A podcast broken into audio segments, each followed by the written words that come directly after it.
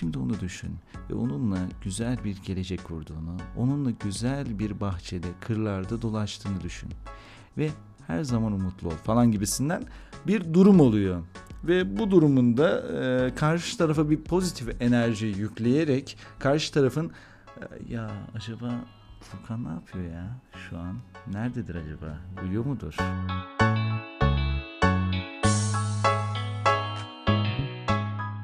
Hepiniz hoş geldiniz bu arada. Güzel bir gün olduğuna eminim. Eminim ki çok güzel bir gün yaşıyorsunuzdur. Ben şu anda bu kaydı güneşli bir pazar sabahından yapıyorum ve gerçekten o kadar özlediğimi hissettim ki bu kaydı yaparken. Dedim ki yani bugüne kadar niye bekledik abi yani bu bu beklentiler, bu aradaki süreçler neden oluyor diye de düşünmedik değil efendim. Evet bugün şöyle bir şarkıyla uyandım ondan bahsedeceğim. Olacak o kadarın e, biliyorsunuz ki o mükemmel jenerik müziği vardı değil mi? Olacak olacak olacak o kadar gibisinden.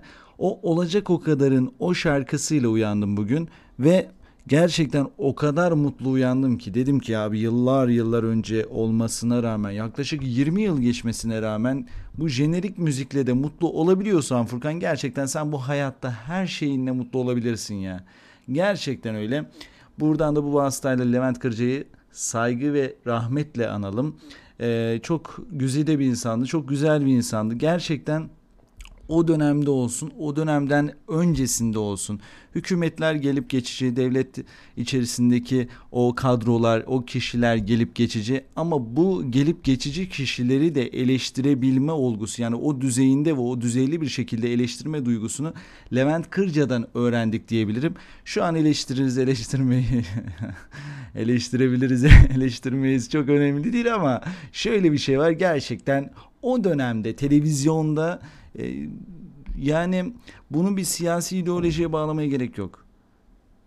Bülent Ecevit olsun, aynı zamanda şu an hali hazırda devam eden hükümet olsun, yani Devlet Bahçeli olsun, o dönemde devlet erkanından ya da hükümet erkanından ya da muhalefet partilerinden kim olursa olsun ya da toplumumuzun önde gelen olayları mesela bir zam olayı vardı biliyorsunuz ki zam olayı zam skeci vardı hatırlarsınız. Ona zam işte zam işte küçük zama zamcık diyordu falan. O mevzuların bu kadar güzel bir biçimde anlatıldı başka program gelmedi maalesef. Güzeldi. O eski programların tadını gerçekten hiçbir şey vermiyor. Gerçekten yani bir yılbaşı programı olurdu mesela.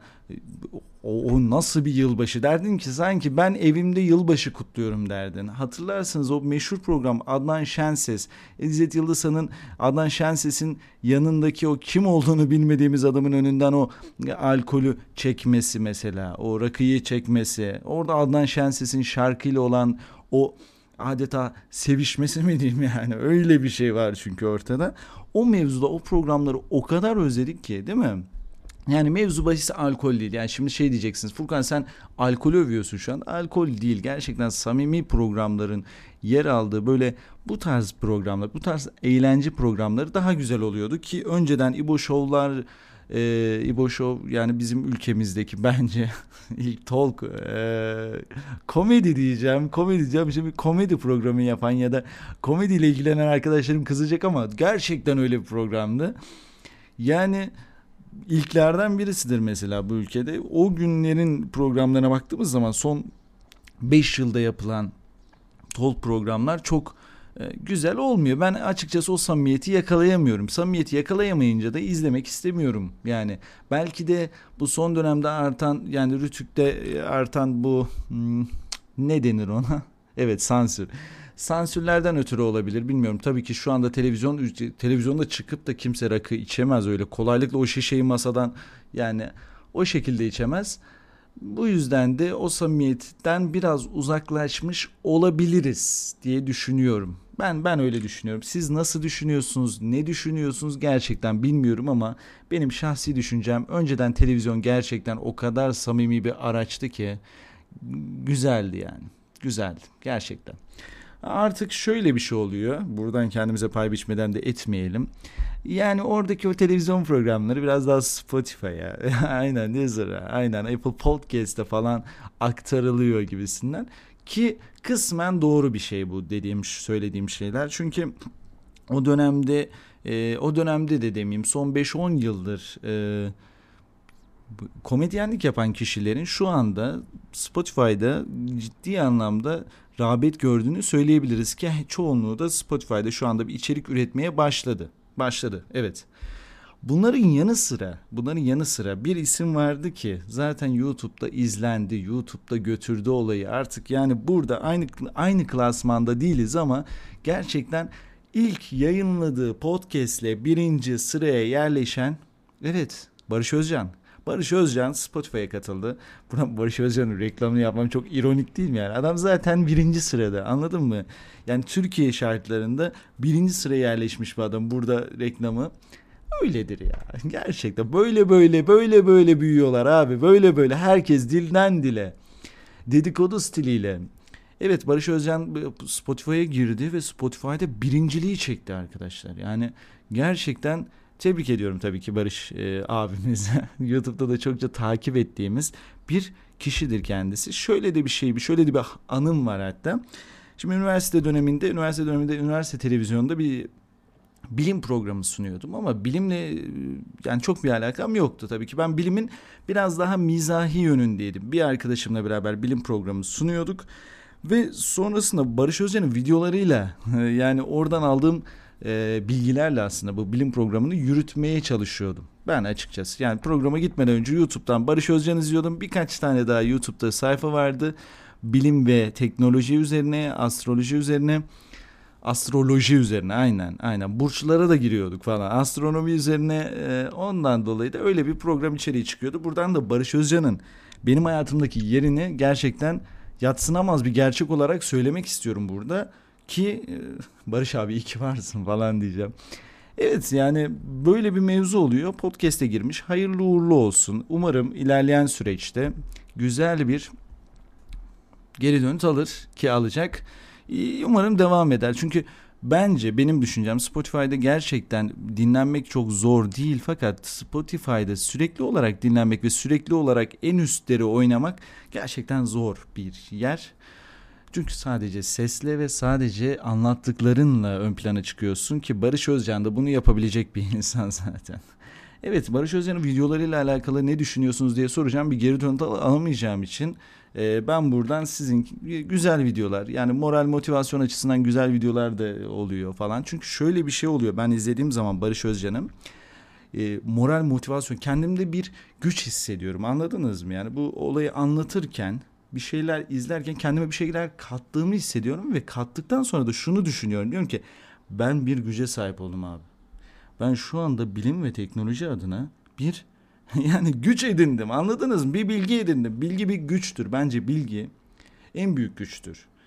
Ee, ondan dolayı da moral motivasyon açısından bence gerçekten çok güzel videolar. İzlerseniz mutlu olursunuz diyorum. Sadece. Şöyle de bir şey var. YouTube'da fark etmişsinizdir belki. Moral motivasyon şeyleri vardır. Ee, ne diyeyim? Videoları var mesela. Uyumadan önce moral motivasyon hatta meditasyon diyebiliriz buna. Sana şey veriyor moral veriyor mesela. Ben birkaç kere denedim. Ondan dolayı söyleyeceğim. Şöyle bir e, olay var. Hemen burada gösterelim. Altta fonda böyle huzur veren bir e, fon müzik üstüne konuşuyor. Diyor ki evet bugün çok kötü bir gün geçirmiş olabilirsin. Her şey ve her şey tefe taklak olmuş olabilir.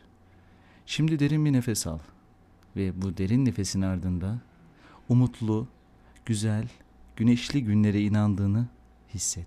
Ama gönülden hisset. Gibisinden yapabilirsin sen. Hadi. Hadi.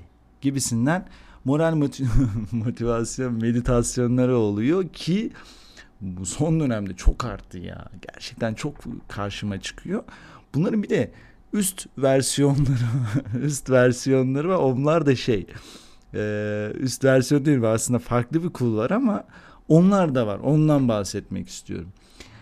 E, şey mevzusu sevdiğin insanın aklına kendine sokma meditasyonu. Biliyor musunuz onu? Bilmezsiniz. YouTube'a yazarsanız çıkar. Şimdi tam olarak aç, yazımı böyle olmayabilir ama buna benzer şeyler yazarsanız karşınıza çıkar zaten. O da şöyle bir şey. Eğer bir insandan hoşlandıysanız, bir insanı sevdiyseniz enerjiler yoluyla evet dünyadaki o enerjiler yoluyla karşı tarafa bir pozitif enerjiyi yani yollayarak onun aklına giriyorsunuz. O da şöyle oluyor. Ee, adam konuşuyor yine bir tane güzel sesli ya da güzel sesli bir kadın adam hiç fark etmez konuşuyor diyor ki şimdi onu düşün ve onunla güzel bir gelecek kurduğunu onunla güzel bir bahçede kırlarda dolaştığını düşün ve her zaman umutlu ol falan gibisinden bir durum oluyor.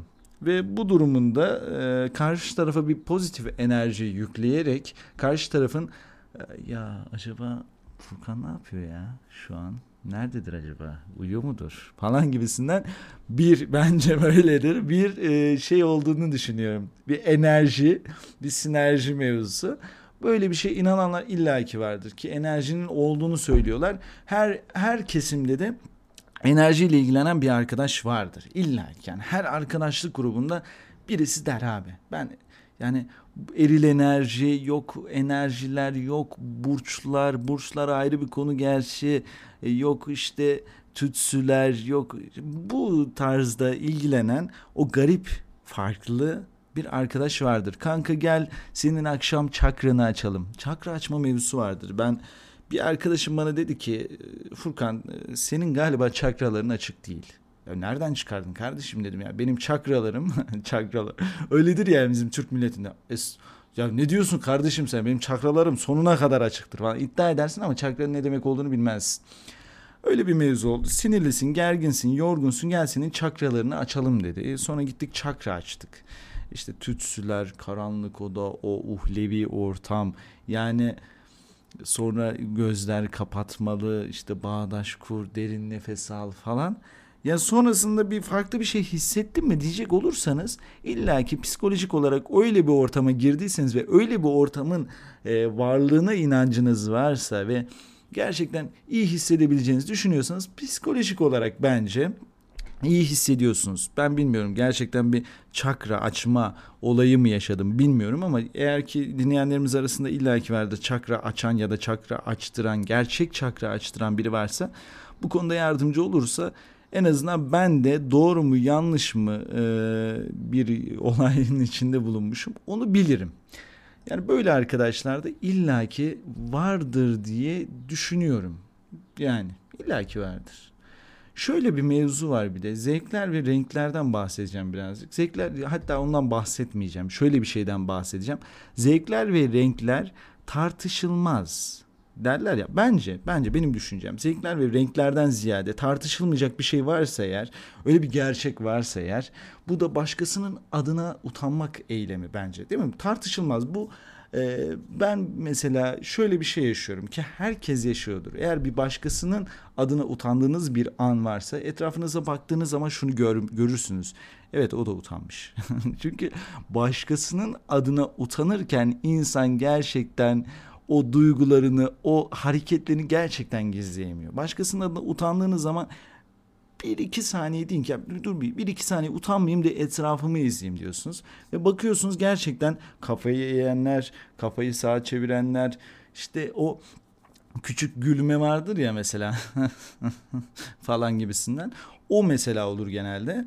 Öyle bir durum yaşanıyor ve gerçekten bence bu tartışılmaz bir gerçek ya. Gerçek olgu bile diyebiliriz arkadaşlar buna. Gerçek tartışılmayan bu deneylerle sabitlenmiş bir olgudur diyebiliriz. Benim düşüncem, şahsi düşüncem ama bence bunu deneyin ki denemişsinizdir. Her yerde her an her duyguda insanın sadece o utanılan kişi var ya o utanılan kişi anlamaz bunu. Utanılan kişi de şöyle anlamaz. O an anlamaz. Ondan bir dakika sonra anlamaz. Bir saat sonra geç, bir saat geçer anlamaz falan. Sonra yatağa yastığa başını koyduğu zaman der ki abi ben ne yaptım ya?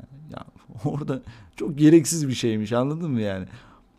Allah Allah. Hiç kimse de söylemedi gibisinden bir durum olur ki gerçekten dostunuz varsa eğer öyle bir durum yaşıyorsanız hemen bir kolundan tutun kanka. Dur lütfen lütfen. Lütfen devam etme dersiniz yani değil mi? Öyle olaylar yaşanıyor ki e, bugün başkasının adına utanmak eyleminden şöyle de bahsetmek istiyorum ki sosyal medyadaki yani karşınıza çıkmıştır yani. Böyle arabada giderken dışarıya silahla ateş eden insanlar görürsünüz. Ya utanırsınız ya abi. Niye böyle bir şey yapar bir insan dersiniz? Ki öyle bir yani silahın ve ateş etmenin hiçbir şekilde bence bir e, doğru yanı olmamasına rağmen onun böyle aracın içinde 200 ile 250 ile giderken dışarıya doğru ateş etme eylemini anlam veremezsiniz değil mi? Yani utanırım. Ben açıkçası çok da sinirlenirim çok da kızarım. Çünkü bu bildiğim magandalık yani bunun zaten bir terimi var. Magandalık. Daha fazla şey söylenebilir. Ama magandalık deyip geçiyoruz bazen ki bunların bu olayların kesinlikle cezasız kalmaması gerektiğini düşünüyorum. Çünkü şöyle bir şey var abi. E, ciddi anlamda şunu söyleyebilirim bu olay bir insan canına ya da hayvan da olabilir bu. Her şey olabilir. Yani kamu malı da olabilir yani o silahla ateş ettiğin yer. Ciddi anlamda bir e, insan hayatına ya da hayvan hayatına kasttır diye düşünüyorum. Bu konuda da gerçekten e, devletimizin devletimizin gerçekten iyi bir önlemle, iyi bir ceza ile, iyi bir ceza dedim yani gerçekten o suçluların bana göre suçtur o. Suçluların gerçekten hak ettiği cezalarla e, yargılanmasını düşünüyorum. Gerektiğini düşünüyorum. Ki geçtiğimiz günlerde bu konuya neden geldim? Fettahcan e, Murat Övüş'ün oğlunun araçta giderken silahla dışarı sıkması olayından sonra bir tweet attı. Tweette de şunu diyordu. Bunlara ıslak odamız şart diyordu. Bundan dolayı da çok büyük bir polemik oldu. İşte onlar eski videolar falan ki bu eski videolar terimi bu durumu kurtarır mı ki kurtarmaz.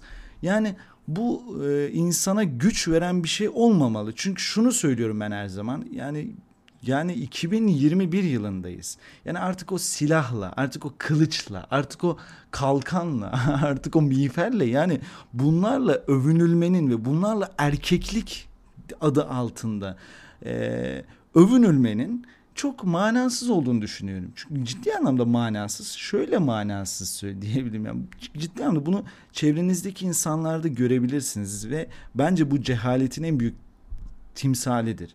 Bir e, silah, bir tüfek, bir e, silahlı eylem, silahlı durum gibisinden bir şey. Hani insana bir büyüklük katmaz. Yani bu yani şöyle toplayıcı devirde değiliz ki elimde ben e, şeyle e, çekiçle, orakla ya da işte evde yaptığım mızrakla övüneyim yani anladın mı? Bak karıcığım sana evet bugün antilop avladım falan diyeyim yani. O devir geçti artık. O savaş devri geçti. O orta o orta çağın o orta döneminden ayrıldık artık. O savaşlar, o silahlar ve silahlarla bir şeyler kanıtlamam devri bitti artık yani arkadaşlar. Bunu e, umarım toplum olarak gerçekten anlarız ve gerçekten bunun manasız ve anlamsız olduğunu öğreniriz tez zamanda diye düşünüyorum. Bu da gerçekten kamu spotu niteliğinde naçizane söylemek istediğim bir şeydi ve haberlerde de yer bulduğu için açıkçası buna dile getir bunu dile getirmek istedim. Ve ciddi anlamda bu insan hayatının, hayvan hayatının ve bitkilerin ve o güzel ekosistemin her zaman en değerli olduğu, en güzel şekilde hep beraber en güzel günlerde yaşadığımız günlerin temennisiyle diyorum ben. Şu an bu programı kapatırken. Çünkü gerçekten hem Marmara'daki müsilaj olsun. Bu mevzu yaşanıyor şu anda Türkiye'de ve gerçekten çok sıkıntılı bir durum olduğunu YouTube'da videolardan izleyebilirsiniz. Yani eğer ki görme fırsatınız yoksa o kötü durumu ciddi anlamda sosyal medya platformlarından zaten görebiliyorsunuz. Aynı zamanda Salda Gölü'müz var. Salda Gölü. Yani bizim de çokça e, görmekten zevk aldığımız ve Saldivler yani Maldivlerin Türkiye versiyonu Saldivler olarak anılan o güzel gölün şu anki halini gerçekten sosyal medya üzerinden görebilirsiniz. Yani bu doğal ekosistemin e, bozulmadığı, beraber güzelce torunlarımızın, oğullarımızın, çocuklarımızın, kızlarımızın da görebileceği güzel günlerde beraber yaşamayı temenni ediyorum ben. Gerçekten o güzel günlerde görüşmek üzere diyelim. Törpü 12. program sizlerleydi. Kendinize iyi bakın.